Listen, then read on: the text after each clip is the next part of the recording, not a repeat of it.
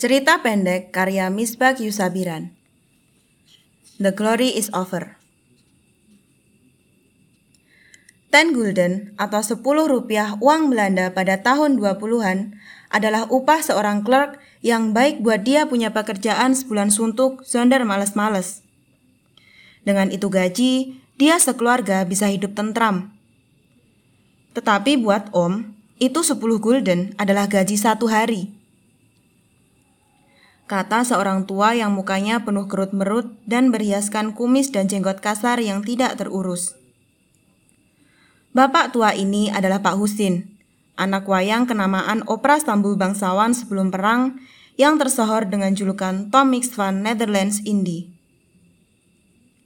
Siang itu, ia sedang saya traktir minum secangkir kopi di pengkolan oplet Pasar Senen. Bisa yuk bayangkan bagaimana keadaan om waktu itu? Tanyanya kemudian sambil menyeringai, sehingga semakin banyak kerut-kerut muncul di mukanya. Jadi ngeri.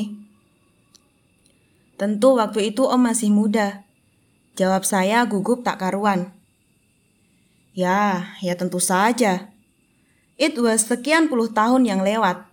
Om punya badan sedang keker-kekernya. Om rawat dengan baik. Sudah begitu, saban hari paling sedikit di kantong ada 10 gulden. Now, bisa you bayangin gimana dahsyatnya? Pak Husen tertawa kecil. Saya ikut. Perempuan mana yang gak jadi tergila-gila? Coba om numpang nanya. Tanyanya sambil menyodorkan mukanya ke arah saya. Saya jadi kaget. Tetapi segera dapat saya tutupi dengan menyodorkan rokok kepadanya. Oh, terima kasih, terima kasih. Dinyalakannya rokok itu dan diisapnya dalam-dalam seperti orang yang sedang minum candu. Sekarang om jarang minum rokok putih. Berat harganya. Dulu isapan om Dafros. Cuma pemuda-pemuda keren saja yang sanggup beli rokok seperti itu. Sedangkan buat om sendiri, kalau om mau menghisap 10 bungkus sehari, itu baru berarti kira-kira sepersepuluh om punya seleri. Enteng sekali. Diisap lagi rokoknya. Asyik betul. Sore-sore sebelum opera main, Om suka jalan-jalan keliling kota. Om pakai satu style gabardin putih yang Om bikin di Singapura. Rambut disisir licin ke belakang ala Valentino. Tangan kiri pegang tungket yang dalamnya ada pedang. Tangan kanan pe pegang cerutu merek Color E. Kaki melangkah tenang-tenang. Mata tetap memandang ke depan saja. Tapi Om bisa pastikan yang semua mata anak gadis tertuju pada om semua. Huyemeida, Huyemeida, kata orang-orang dari kiri kanan. Kayak gubernur jenderal rasanya. Sebetulnya, Pak Husen akan ketawa lebih asyik lagi. Tetapi tertahan batuk-batuk kecil karena terlalu semangat bicara. Dihirupnya kopinya sedikit sekali, takut habis. Kenapa Om digelari Tom Mix Van Java? Tanya saya sambil memberi isyarat pada tukang warung, minta secangkir kopi lagi. Oh, ya, ya. Tom Mix, bukan Van Java, tapi Van Netherlands Indie. Kita bilang sekarang Indonesia. Dia habiskan dulu ketawanya sedikit. Kalau Om sedang beraksi di panggung, Om terkenal tangkas. Pokoknya rata-rata role bandit, Om yang pegang biar berkelahi dengan jotosan, pakai anggar, pencak, kuntau, bergulat segala macam cara, tidak ada yang om tolak dan tanggung seru. Ya maklum, sedikit-sedikit kita juga punya pegangan. Di panggung-panggung lain, baru kalau Sri Panggung menyanyi atau lagi ada ekstra tari kabaret, orang-orang sering lempar uang, nyawer. Tapi di panggung, di mana Om lagi main, orang-orang nyawer kalau Om lagi berkelahi. Karena bukan sombong. Ada yang bilang sama Om, sebenarnya Om lebih tangkas dari Tom Mix. Itu bintang cowboy film bisu. Belum lagi kalau Om menyanyi. Sudahlah, seperti hujan datangnya sawer ke atas panggung. Masa bandit pakai nyanyi segala, Om? Segala macam role mesti pakai nyanyi. Dan Om punya suara. Mata Om Husen melirik pada rokok saya. Saya sodorkan. Ya, Om punya suara. Kalau Om sudah tarik, itu Skoberg atau gedung kesenian sekarang disambung tiga ke belakang. Om punya suara masih kedengeran. Sonder mikrofon. Itu nyanyi atau gimana om? Ya nyanyi. Oh, orang nyanyi waktu itu bukan kayak sekarang sekedar genderangan macam orang TBC. Ya barangkali you belum pernah dengar plat nyanyian Gigli atau Caruso. Pernah, pernah? Jawab saya segera teringat film The Great Caruso. Ada filmnya om? Nah, begitulah suara om. Ya, kira-kira begitu deh. Maklum, kita bukan orang Eropa. Hebat benar, Om. Kata saya sambil menyodorkan kopi yang baru datang lagi. Pak Husen menerimanya sambil senyum, menggeser duduknya sedikit. Dalam cerita Maharani, Om main jadi Santo, adik Maungji. Waktu merayu Maharani, Om ambil lagu Violeta. Layar dibuka. Maharani lagi ngelamun di pinggir kolam. Abis dua tiga patah Maharani bicara, lantas terdengar musik permulaan dari lagu yang bakal Om bawakan. Merayu-rayu. Buat ngokoin tukang musik saja, Om keluarkan uang satu rupiah. Buat apa mesti dikongkoin? Oh, dia bisa bikinin kita. Sedikit saja dia kasih tinggi ton kita, Kan kita bisa mendelik. Setengah menit musik main, Om baru tarik suara di, dari belakang layar. Orang tepuk. Om belum kelihatan tuh. Om biarkan dulu penonton celingukan mencari dari mana Om bakal keluar. Sebelum muncul, Om intip dulu keadaan penonton dari sisi-sisi layar yang bolong. Om perlu cari tahu di mana duduknya itu nyai-nyai serta nona-nona manis. Dan klar. Om pun keluarlah sambil menyanyi. Mengangguk sedikit, gegap gempita tepuk tangan serta sorakan. Maharani belum kita perhatikan dulu. Dia boleh tunggu. Sesudah beres, Om kasih anggukan serta sedikit senyuman buat si nona-nona manis yang sudah Om incar dari belakang layar. Baru Om membalik dan nyanyi buat Maharani. Ketika Om mainkan role ini di Surabaya, tidak kurang dari 15 gulden uang saweran yang kumpul. Tidak terhitung yang jatuh molos dan dipungut oleh anak-anak wayang, teman-teman di kolong panggung. Aduh, asyik betul om. Setelah saya sambil menyodorkan lagi rokok, karena dia payah betul memilin-milin daun nipahnya.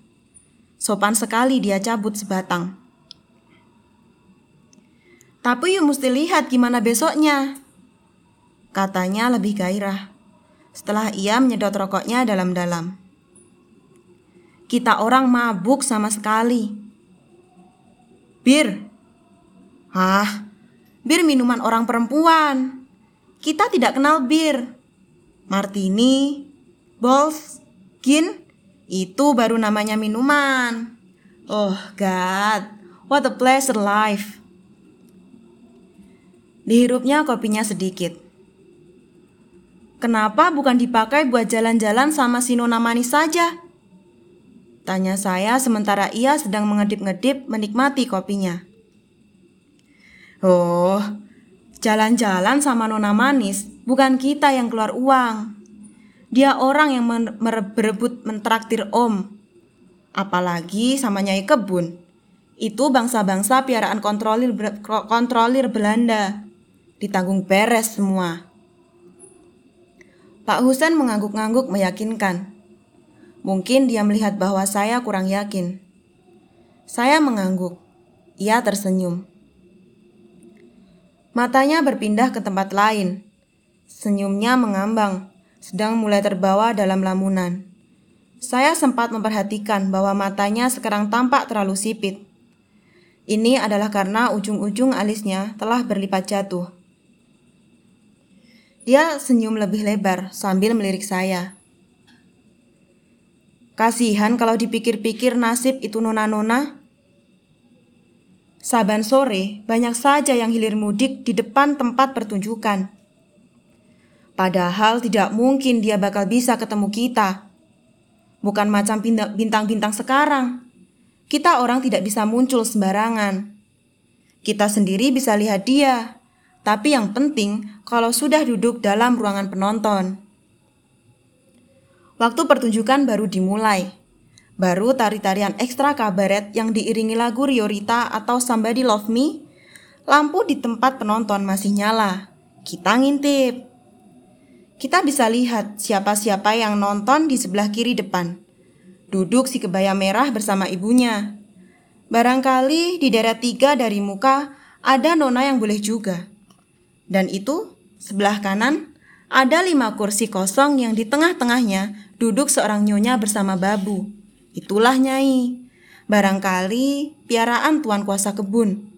Peniti emasnya besar-besar. Kalau sudah ketahuan begitu, beres sudah. Kalau nanti kita muncul di panggung, Jangan lupa lemparkan lirikan dan senyuman ke kursi-kursi yang sudah kita tahu tadi. Waktu kita nyanyi sendirian, umpamanya babak kita lagi terlunta-lunta, kita selipkan saja satu dua pantun yang kita tunjukkan sama itu nona-nona manis. Umpamanya, tinggi gunung kampung Melayu, kain pelekat pinggir berigi, ibarat burung di cabang kayu, mau dipikat terlalu tinggi. Atau main ceki dapat geludung, tarik locan, buang bendera. Sentana nona di tinggi gunung, di mulut macan, abang yang bela. Orang-orang di bawah bakal teriak-teriak. Jatuhkan lirikan sembari sedikit senyum pada si nona-nona manis. Cukup. Bubar pertunjukan, Om bakal terima banyak kabar dari anak-anak panggung. Ada yang bilang Om ditunggu kereta kuda di belakang. Ada yang mengundang makan. Makan apa malam-malam begitu? Ada yang minta Om menengoki seorang nona yang mendadak jatuh sakit. Ya, sudah Om ceritakan bagaimana selanjutnya sama Yu. Susah. Bisa Yu bayangkan apa kejadian selewatnya bubar pertunjukan. Cukup barangkali kalau Om kasih tahu, waktu itu Om punya sekantong penuh perhiasan Mas Intan. Om punya lima biji peniti rantai yang masing-masing menggantung lima ringgit emas, empat cincin bermata berlian, cincin emas bentuk stempel, gak tahu berapa banyak, selusin manset bermata intan, jam emas. Semua Om dapat dari nyai-nyai yang manis. Ada pantun lagu yang bunyinya begini. Cimahi si Pandalarang. Carilah nyai yang banyak barang. Tapi bukan maksud Om mau ngeret mereka. Orang ngeret nanti ketulah. Itu nyai-nyai yang berebut datang. Kita sih namanya juga anak wayang, perlu dapat simpati penonton. Salah sendiri kalau falling in love sama Om. Betul nggak? Kalau Om nggak terima gimana? Malah ada yang bilang dia mau bunuh diri. Belum ada sih yang sampai kejadian bunuh diri. Tapi lebih beres kan memang kalau Om terima saja. Alhasil, Om punya sekantong penuh perhiasan yang mahal-mahal. Ke mana saja semua barang-barang itu, Om? Tanya saya setelah sesaat ia menunduk terdiam. Sambil membenarkan letak leher ke mejanya yang sudah pecah-pecah dan kuning karena lama dipakai, Pak Husen mengangkat muka sambil senyum. Suaranya rendah. Habis. Habis. Hilang bersama Om punya kejayaan. Habis bagaimana saja begitu banyak? Ya, macam-macam. Minum, main, pelesir. Barangkali memang sudah mesti begini jadinya. Tapi kalau membelikan tanah, sawah, rumah, atau Sekarang ini Om baru tahu memang bagusnya kalau harta itu dibelikan yang bermanfaat. Waktu itu Om tidak tahu. Pak Husen tersenyum. Tahu juga, cuma Om tidak ambil pusing. Om kira opera opera bakal ada saja dan nyai-nyai bakal banyak terus. Waktu itu semuanya beres saja. Begitu Om tarik suara di Selangor, semua pamili Sultan kepingin belajar kenal sama Om. Di seluruh semenanjung Malaka yang Om lewatin, tidak ada yang kosong dari pacar-pacaran. Sudah, jangan bilang kalau di negeri sendiri. Siapa yang berani marah? Dia boleh terima Om punya tangan. Tidak ada yang berani angkat muka kalau Om sudah menjerit. Sampai engineer opera nangis-nangis waktu Om pura-pura bilang minta berhenti. Wah, seram betul. Bukan main seramnya. Maka itu, Om jadi sok tahu. Pernah sekali Sidul, tukang jual karcis mau coba-coba kasih nasihat sama Om. Supaya Om hemat sama duit dan segala macam yang Om punya. Lima hari pipinya bengkak karena Om gampar. Yang sedih kalau diingat sekarang itu si Bopeng. Nama sebenarnya Ahmad Syah. Tapi karena mukanya Bopeng, Om panggil saja dia si Bopeng. Dia cuma tukang badut. Mana berani marah kalau om panggil si Bopeng. Dia sudah berumur, anaknya tiga. Dia nasihati om belajar pegang buku, administrasi, atau... Belum habis dia bicara, om punya tangan sudah melayang. Kontan dia jatuh tersungkur. Anaknya nangis. Sedih betul kalau diingat. Enggak. Enggak ada yang berani kasih nasihat sama Om. Dibiarin saja Om tetap bodoh. Jangan lagi bahasa Belanda. Ngaji saja Om enggak becus. Bahasa Inggris yang Om bisa sedikit-sedikit. Om dapat dari pergaulan saja. Di panggung waktu itu yang lazim adalah English language. So, now the time has come and my glory is over. Now, as you see, I'm sitting here before you, nothing and hopeless. Sayang sekali, Om ya. Orang-orang sekarang tidak mau pakai orang-orang sandiwara zaman dulu. Tidak, tidak ada yang bisa Om salahkan. Cuma Om sendiri yang salah. It's all because Om sok tahu sok tahu, sok keren, lupa daratan. Seperti pemuda-pemuda sekarang juga ya om, sok tahu. Sambut saya dengan maksud menyenangkan hatinya. Ya, jawabnya kontan. Matanya melirik ke secangkir kopi. Lalu sambungnya, Ya, tidak semua pemuda sekarang sok tahu. Saya tidak mau sok tahu, Om. Jangan. You kelihatannya memang tidak sok tahu. Saya sodorkan lagi rokok kepadanya. Saya bayar dua cangkir kopi Om Husin dan satu cangkir kopi saya. Semua seharga seperak setengah. Pak Husin mengucapkan banyak terima kasih. Saya sodorkan sebatang lagi buat persediaan nanti. Lalu, kami pun berpisah.